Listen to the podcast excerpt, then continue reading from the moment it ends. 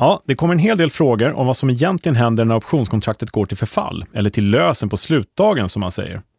Vilka möjligheter och måsten bör man känna till?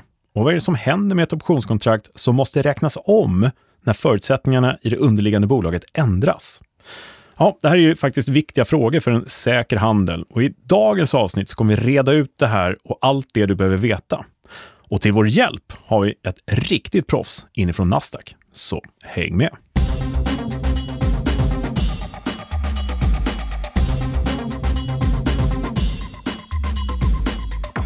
Och det är alltså inte mig Kalle pratar om, det här med proffset från Nasdaq, utan det är min eh, kollega Håkan Walden. Ja, en sann ära att ha med både honom och dig. Välkommen till Optionspodden, Thomas. Tack så mycket. Jag tänkte, vem säger du till? ja. Vi säger till lyssnarna också förstås. Ja. Varmt välkomna. Ja, podden ser i kunskaper som ingen privat eller professionell investerare på börsen borde vara utan. Och de som kan de här grejerna, de håller ju faktiskt med, har jag fått lära mig. Jag skulle vilja tillägga det direkt Thomas, att eh, det är ju faktiskt två proffs med idag. Det är du och det är Håkan. Och ni är kollegor på Nasdaq som sagt, eller hur? Ja, ja. Det, vi ses ju inte vardag numera. Det var ett tag sedan vi jobbade tillsammans, så att säga, under samma ja, tak. Precis, mm. så att eh, vi tog en promenad med honom ute i det fria mm. eh, och eh, tog intervjun där. Precis. Så han är alltså inte med oss i studion, ska vi säga här. En coronasäker intervju. Ja, vi sitter här, Smile Studios, och är som alltid väl omhändertagna. Eh, men spelar alltså in det där. Och då får man med sig lite roliga ljud också, har vi diskuterat. Ja, det. men det får man ta. Ja. Hör du, intresset kring optionskunskaper är stort kan jag meddela. Eh, många frågor som kommer in och eh, många som vill veta mer och speciellt i de här tiderna när börsen är ja, men väldigt stark och positiv får man säga, så mm. är det tilltagande oro. Det är alltid någonting man mm. kan liksom, ja, men gå och fundera på vad man ska göra. Då. Nej, det är framförallt sådana frågor vi har fått. Folk som har varit lite oroliga, undrar om man kan skydda sig på olika sätt. Och så. Mm. Och det finns lite olika avsnitt och vi har pratat lite grann i tidigare avsnitt också om, om saker och ting man kan göra. Ja, men precis. Va? Och eh, en kul faktum, ska man säga, är att de som upptäcker de här möjligheterna med optioner får en sån här aha-upplevelse. Mm. Ungefär som, va? Kan man verkligen göra det? och det är liksom tjusningen med att kunna ja, men, vidarebefordra den här kunskapen, då, utbilda i det. Men i allt det här så har vi grundkunskaper och det ska vi fokusera lite kring idag när det gäller den här slutdagen som man kan tycka är ganska självklar. Men det finns en hel del att lära sig där faktiskt, mm. om man nu inte har koll på det. Och optionskontrakt kan räknas om också, det är det Håkan ska berätta mer om här om ett tag. Mm. Och vad är det du kallar detta avsnitt nummer 30? Ja, jag kallar det för, eh, till att börja med, den magiska slutdagen. eh, och det är ju lite i termen av att eh, det finns faktiskt möjligheter om man känner till vad som händer och att, och då menar jag egentligen bara att optionskontraktet faktiskt går till förfall. Och det är bra att känna till förstås, men om man har en slutdag att rikta in sig på, då har man ju lite möjligheter att agera också på ett olika sätt. Ja. Spännande rubrik, mm. måste jag säga. Det förväntansfull. Ja, mycket magi. Ja, precis. Det här är mycket magi.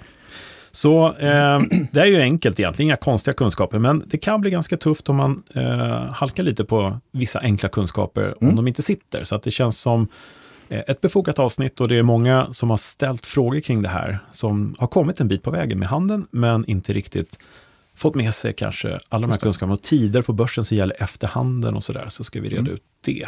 Bra.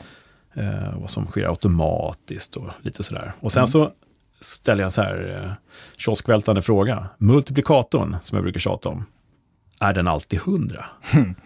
Oftast kan vi säga, men det kommer vi också till. Då.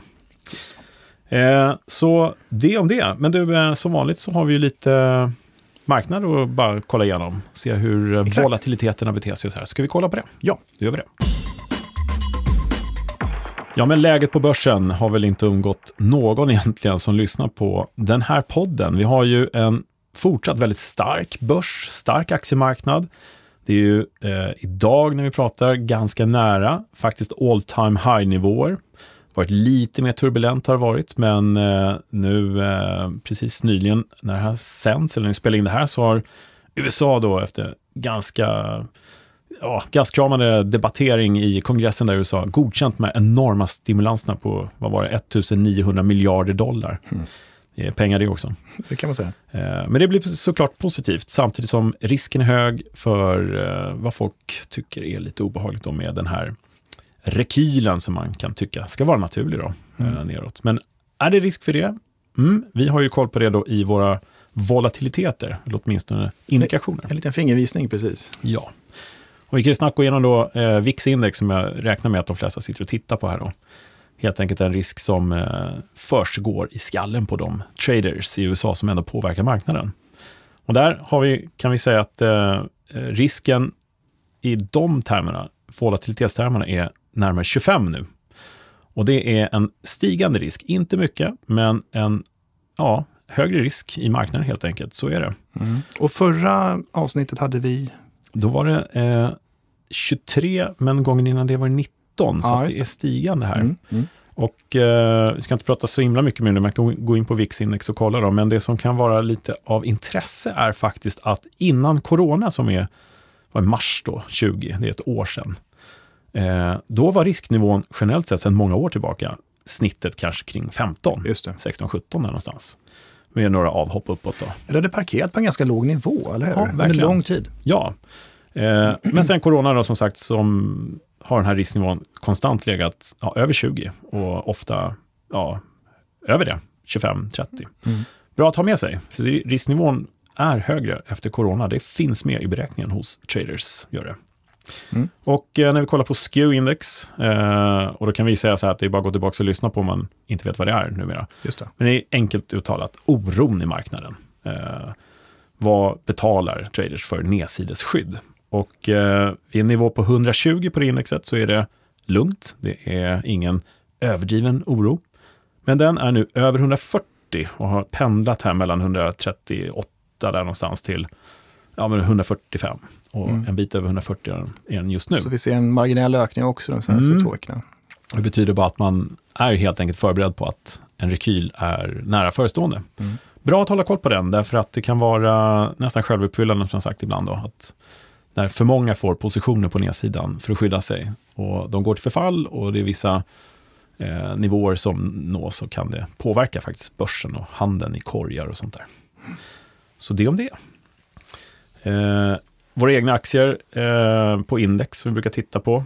Eh, och då tittar vi på edgen då, då jämför vi helt enkelt den risk som har varit, den historiska volatiliteten med den som är aktuellt prisad i marknaden just nu, den implicita.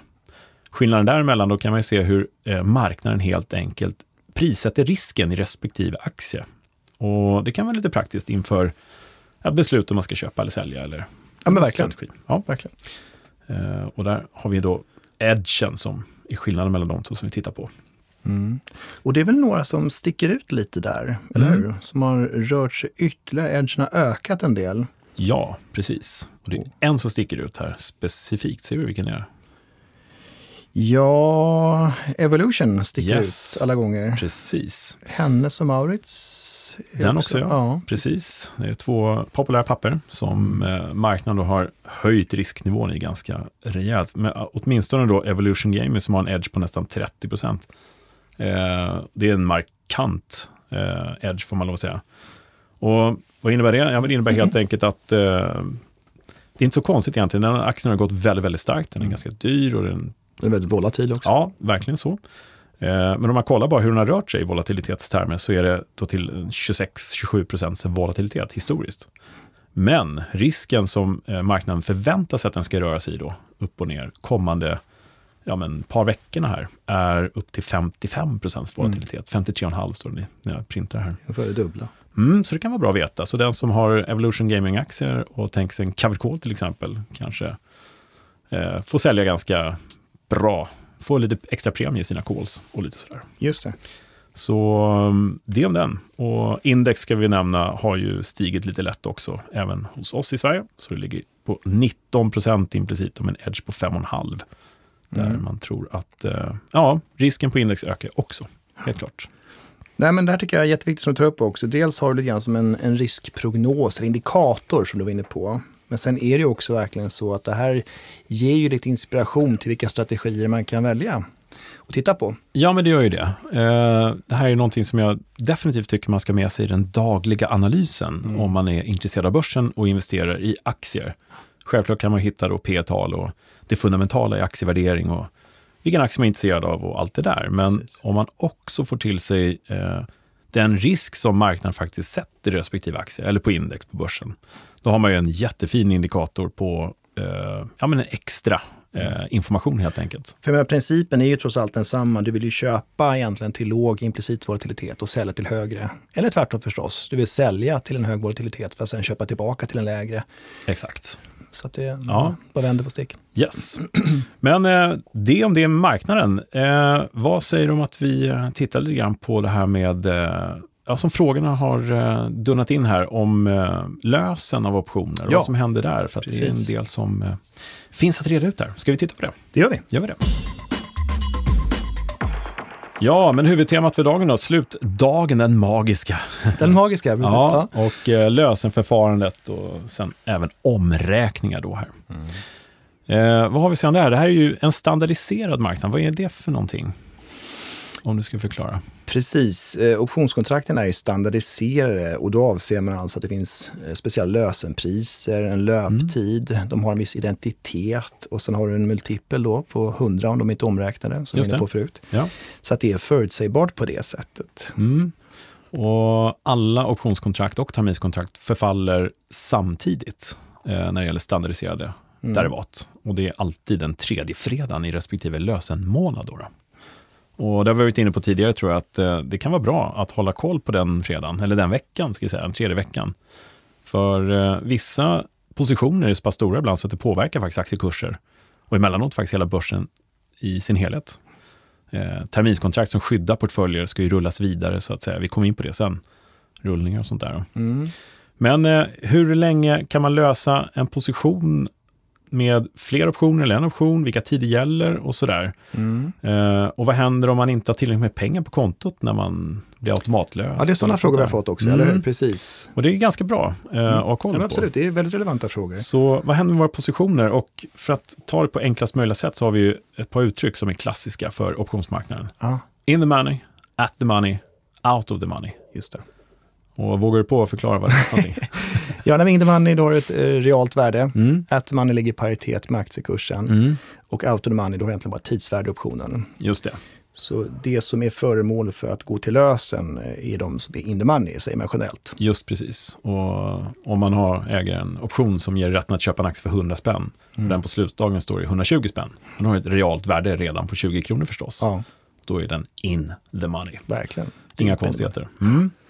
Och, Men frågan var vad som händer då såklart. Mm. Och jag menar det är klart, behåller du optionen, man kan ju såklart då sälja den, handla sig ur den. Mm. Så kan du ju då eh, bara låta den, om den nu har ett sånt där stort realvärde som du var inne på, då kan mm. man bara låta den vara som den är. Men det kanske ja, är också så att du vill lösa den. Men vi kan titta på automatlösen först då. Ja, eh, därför att eh, ni på Nasdaq vet ju om att om, om jag har rätten att köpa en aktie för 100 spänn, som på börsen står i 120, mm. då är det självklart man vill lösa in den. Man ja, har ju annars, köpt någonting billigare. Ja.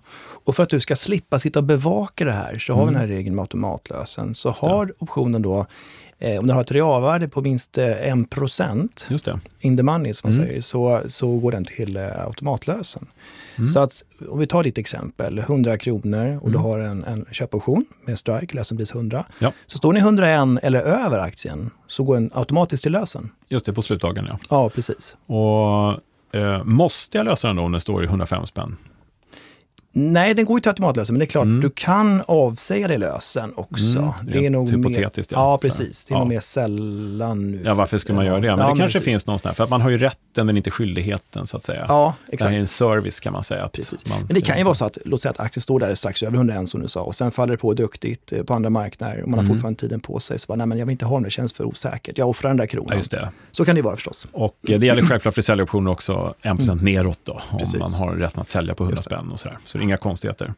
Men du, hur länge har man möjlighet att begära lösen? Ska man vara ute då innan börsen stänger? Nej. Mm, nej, du kan lösa egentligen under då pågående handel såklart, Ja. det kan du göra. Men är du ute lite sent så är det alltså 120 minuter, stängning plus 120 minuter. Mm. Så att eh, 17.25 plus då två timmar, Ja, så det. 19.25 är det man har att förhålla sig till. Det. Sen måste man, skulle vi säga också, kolla med, med sin bank då såklart, att det finns Mm. hur man kontaktar dem. Är det kundsupport eller mäklarbord eller hur gör man? Just det. Ja, det är verkligen tipset. Och där med 1925, det är bara att säga att då 17.25 startar den här kolen. Så då Mm. säger man att börsen stänger, men annars är det 17.30 skulle någon säkert påpeka. Mm. Eh, men fram till 19.25 har man på sig att begära en sån här lösen. Och eh, eh, jättebra tips att kolla med sin mäklare, sitt med sin bank, var man nu handlar någonstans, hur det funkar just Precis, där. så man är inte ute sent och kanske blir eh, alltså, omkopplad till någon annan eller så här. Nej, Eller- och- det har ju hänt. Ja, det känner vi till. Ja. Men det kanske finns en funktion på nätet hos vissa också, så där, men det, Ja. det låter jag vara osagt.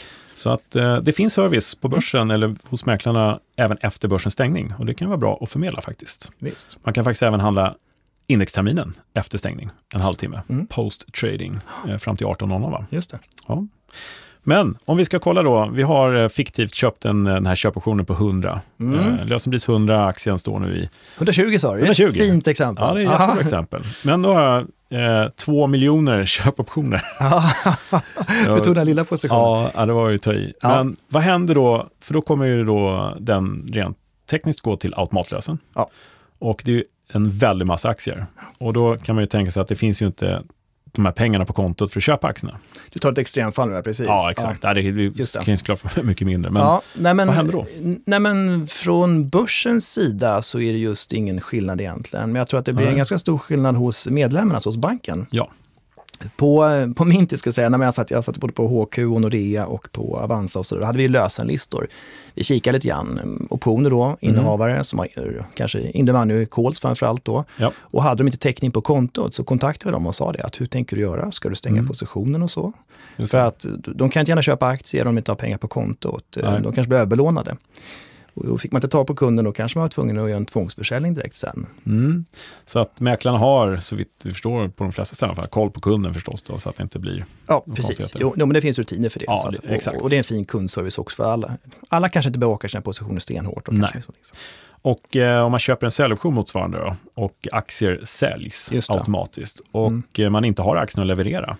Precis, du har ju då blankat aktier kan man säga. Mm, precis. Och eh, jag tror att de flesta också kräver eh, aktielåneavtal. Så att eh, rent hypotetiskt så, så kanske det blir då korta aktier. Mm. Men det är också återigen då, det gäller att du, det finns säkerheter för det också. Det finns säkert då eh, säkerhetskrav från medlemmens Ja. sida. Man kan säga så här, du, du kommer bli uppmärksammad på, på det hela, men möjligen så har jag varit med om att det finns någon som vaknar upp på måndag morgonen efter lösen Mm. med ett aktielån faktiskt. Absolut. Nej, men man ska nog inte garantera på något sätt att medlemmen följer upp, utan men Nej. är det ett gränsfall ska säga, så, så kan det mycket väl bli så att du sitter där. Ja, Men blir du klart överbelånad, då tror jag att eh, banken i fråga hör av sig. ja det, det kan man nästan utgå från i Ja, dagens precis. Handel. Och ja. annars tycker man kan höra sig för, hur gör ni med mina positioner? Mm. Man kan ringa och fråga helt enkelt, så, man, så att det inte kommer som en kalldusch då, utan man vet hur man ska agera. Ja, men precis. Och det kan ju vara dagens tips helt enkelt. Kolla med mäklaren hur det här fungerar Mm. och hur det funkar just Ja, hos visst. din eh, bank helt Mm. enkelt.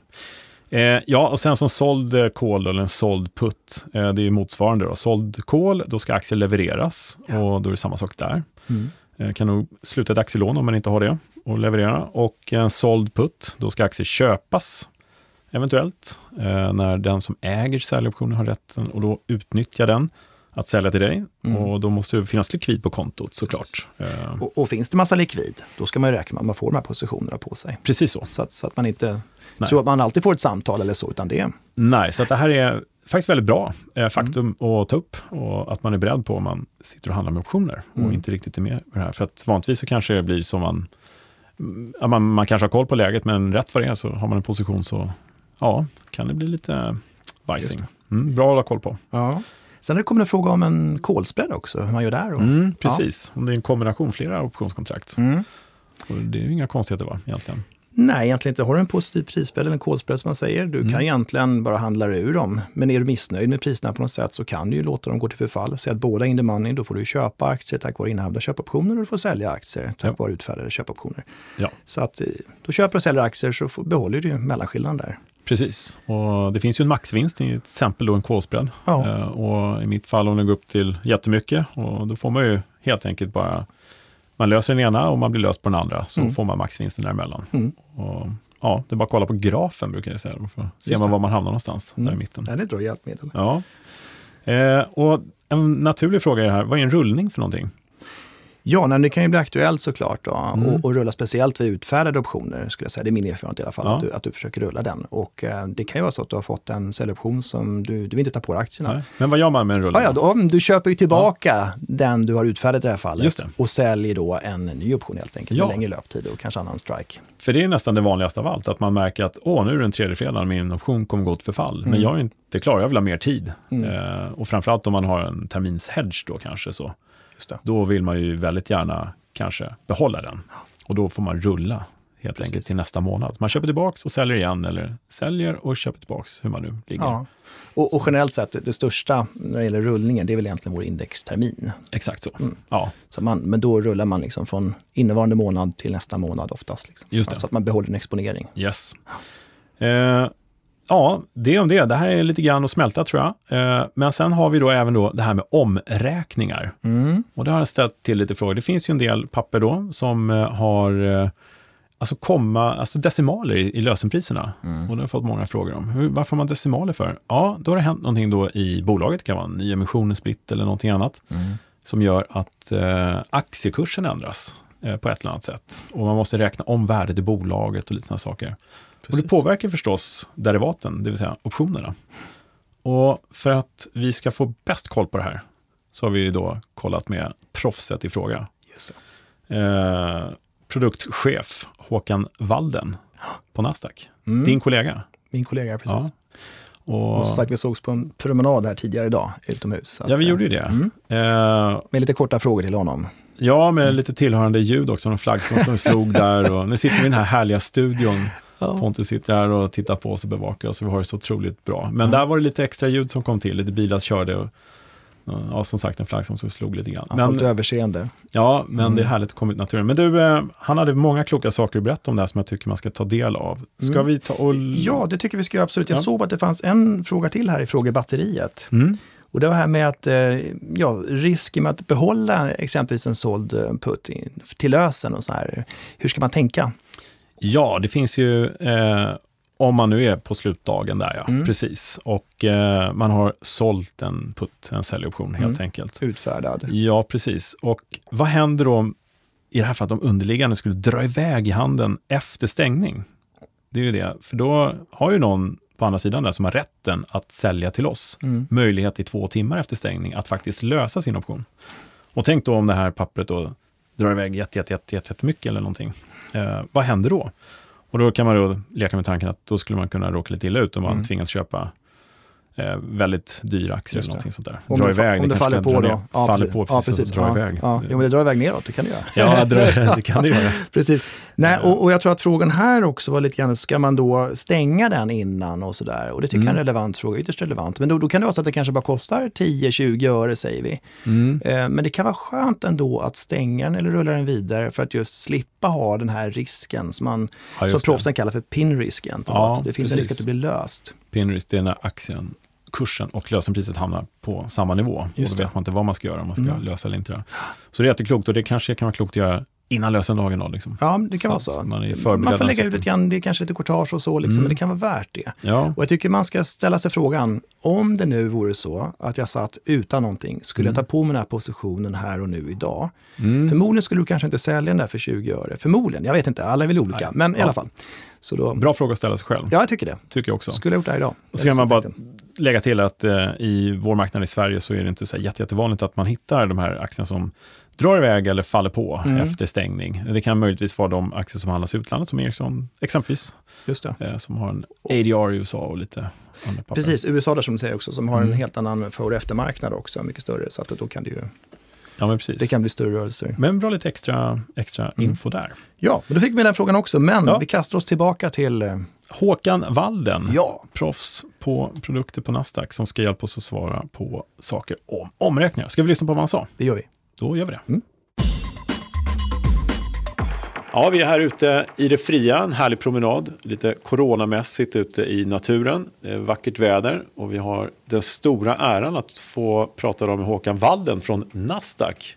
Tjena Håkan! Hej! Varmt välkommen till Optionspodden. Tusen tack! Hörde, du ska hjälpa oss att svara på lite frågor som vi har fått in till podden. Mm. Om eh, lite teknikaliteter såsom eh, omräkningar och annat. Men kan inte du börja med att presentera dig själv och vad du gör på Nasdaq? Ja, jag heter Håkan Wallen som sagt och är produktansvarig eller produktchef för aktie och indexderivatprodukter. Eh, sen till vardagen så jobbar jag aktivt med affärsutveckling och produktutveckling eh, för aktie och indexderivat. Så det är väl i regel det. Sen så täcker det in ett ganska brett område för det är en, en komplex marknad. Men eh, det, det är väl väldigt kort det jag gör. Och jag kan ju avslöja då att jag går ju ofta till Håkan på jobbet och frågar om saker och ting, just med omräkningar och annat relevant. Man får alltid ett bra svar. Och eh, vi kastar oss in på det här med omräkningar då som sagt. Och eh, jag tänkte höra egentligen, vad är den vanligaste orsaken till omräkningar i optionskontrakten? Ja, jag, jag, tror man ska börja med att titta på varför vi räknar om från första början. Och, och det handlar i regel om att vi vi vill ta bort all risk som är relaterad till en bolagshändelse som sker i den underliggande aktien eh, som, som man inte kan förutse när man ingår optionskontraktet från första början. Och det kan ju vara allting från en split, en nyemission, en extrautdelning, en, en spin-off och så vidare. Eh, men den absolut vanligaste eh, orsaken idag skulle jag säga är extrautdelningar. Okay. Eh, Sen är det väl lite så, på våren så, så sker det väl lite, lite mer events, lite säsong för bolagshändelser och sen så går det ner under sommaren och, och så tar det upp farten igen under hösten. Just det. Och när du säger risken, ta bort risken, då är det egentligen då, ska säga, så att ingen ska missgynnas. Det är den risken vi pratar om. Så att det ska vara liksom bra och förutsägbara spelregler. Va? Precis så. Det, det ska finnas en, en, en, all risk som, som sker, för det kan ju potentiellt vara stora prisrörelser till följd av en bolagshändelse. Och det är ju eh, event som bolagen bestämmer om och som i sig inte har någonting med performance i aktien att göra. Just det. Så alla de typer av eventsen, det, det är börsens ansvar att ta bort den risken och det gör man genom just omräkningar eller justeringar. Ja. Du var inne lite grann på när det brukar ske, men hur ofta alltså är det vanligt? Man ser ju ibland att de har vissa beteckningar då på kanske går in på det. Men hur ofta ungefär sker sånt här? Ja, det är lite varierande. Som jag nämnde så våren är väl typiskt sett en säsong där det sker mycket bolagshändelser. Um, och sett till idag har vi ett hundratal aktier där vi har standardiserade optioner. Och över tid skulle jag säga att det kanske är en till två justeringar i veckan för de hundra aktierna. Uh, sen kan det såklart vara så att en aktie eller ett bolag inte gör så himla mycket struktureringar i bolaget uh, som mer eller mindre aldrig räknas om medan andra bolag kanske räknas om flera gånger per år. Eh, men över tid skulle jag säga för de hundratalet eh, aktier vi har så är det väl två stycken i veckan, någonting sånt. Du eh, Håkan, optionskontraktet i sig, mm. vad händer med det? Vad sker med optionskontraktet när det ska räknas om? Ehm, ja, det, finns ju beskrivet i, vi, vi, har ett derivatregelverk som tydligt förklarar för vilka bolagshändelser räknar vi om för och hur vi gör de faktiska omräkningarna. Och den absolut vanligaste metoden som vi applicerar är något vi kallar för RATSI-metoden. Och, och, det är ganska enkelt egentligen. Vi, vi räknar fram en, en, procentuell teoretisk prisrörelse i aktien som är en följd av eventet. Exempelvis om man räknar fram att aktien ska gå ner 5% till följd av en bolagshändelse. Då tar vi fram en justeringsfaktor som vi kallar det, eh, där 5 då skulle spegla 0,95 i faktorn. Den faktorn multiplicerar vi sedan med lösenpriset på optionen. Eh, vilket då resulterar att man är procentuellt sett lika mycket in eller out of money före och efter eventet.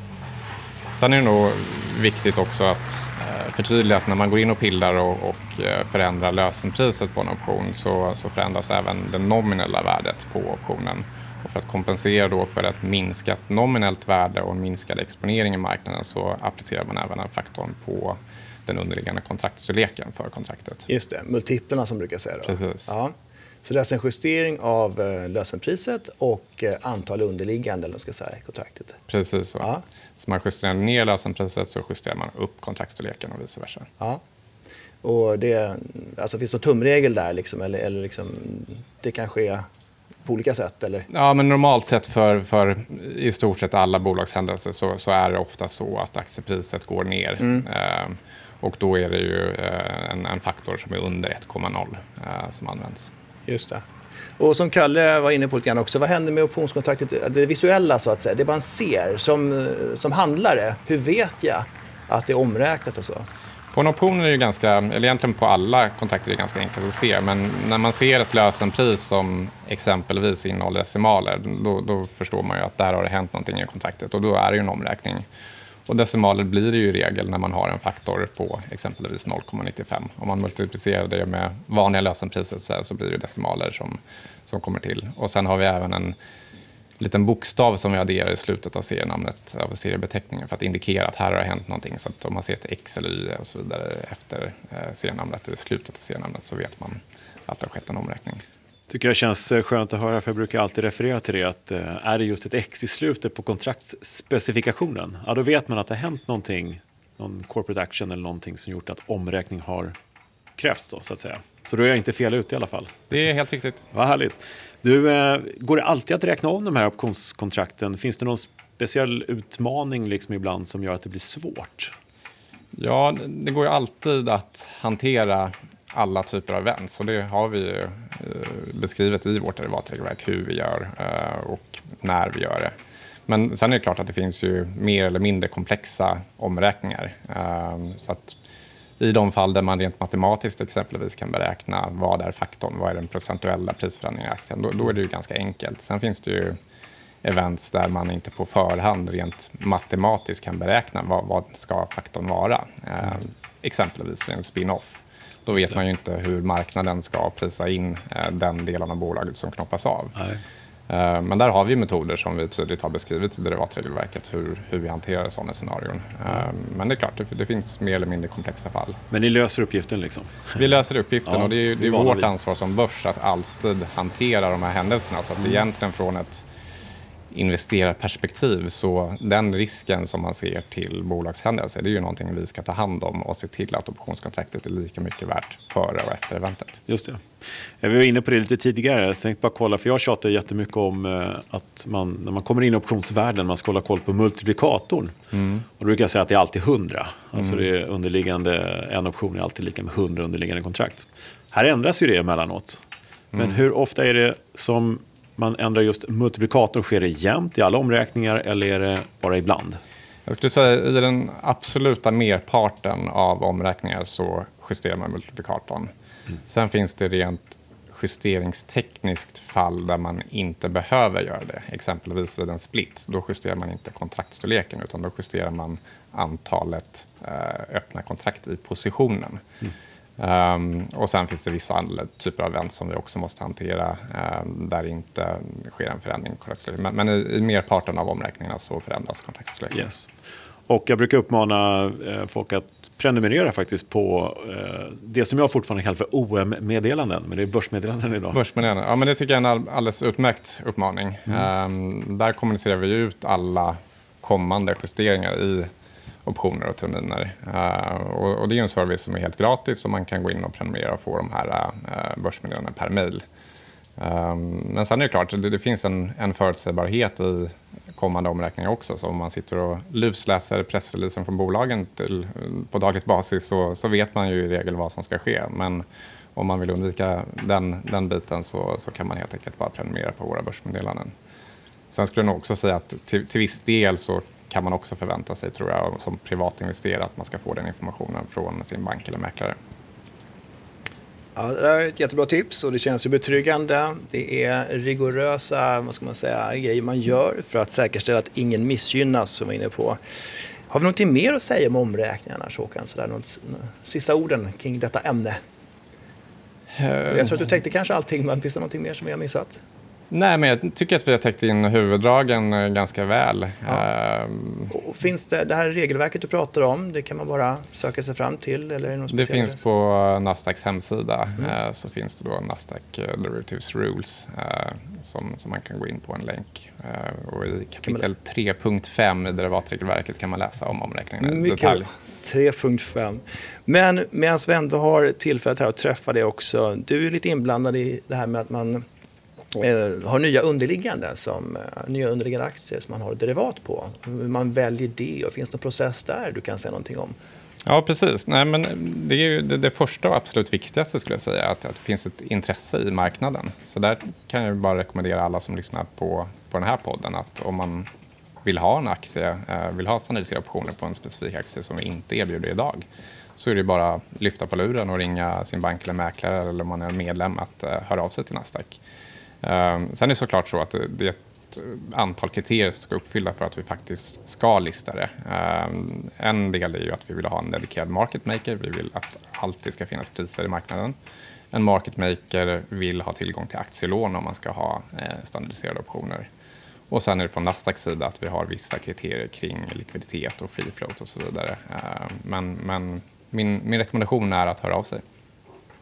Toppen, eh, vad härligt. Det känns som att eh, man kan göra en hel del själv, man kan läsa på. Och eh, jag vet ju också i de här börsmeddelandena så står det utförligt hur ni har gjort när ni har räknat ut och det är multiplar och sådär för den som mm. är intresserad av det. Eh, jag tror att det går ganska många förbi dock om man handlar kanske bara på det lösenpris med decimaler man ser och sådär. Men det dyker dock upp frågor emellanåt hur man gör och då kan det vara jättebra att få veta hur man gör. Mm. Men du Håkan, eh, stort tack för att du tog dig tid och eh, svarade på de här frågorna som många undrar över och säkerställer att vi kan på bästa möjliga sätt ge rätt information till alla som lyssnar och vill gå vidare med säker optionshandel. Tack själva. Vi får säkert anledning att återkomma, eller hur Thomas? Jajamän. Tack så mycket Håkan. Tack, kul att vara med.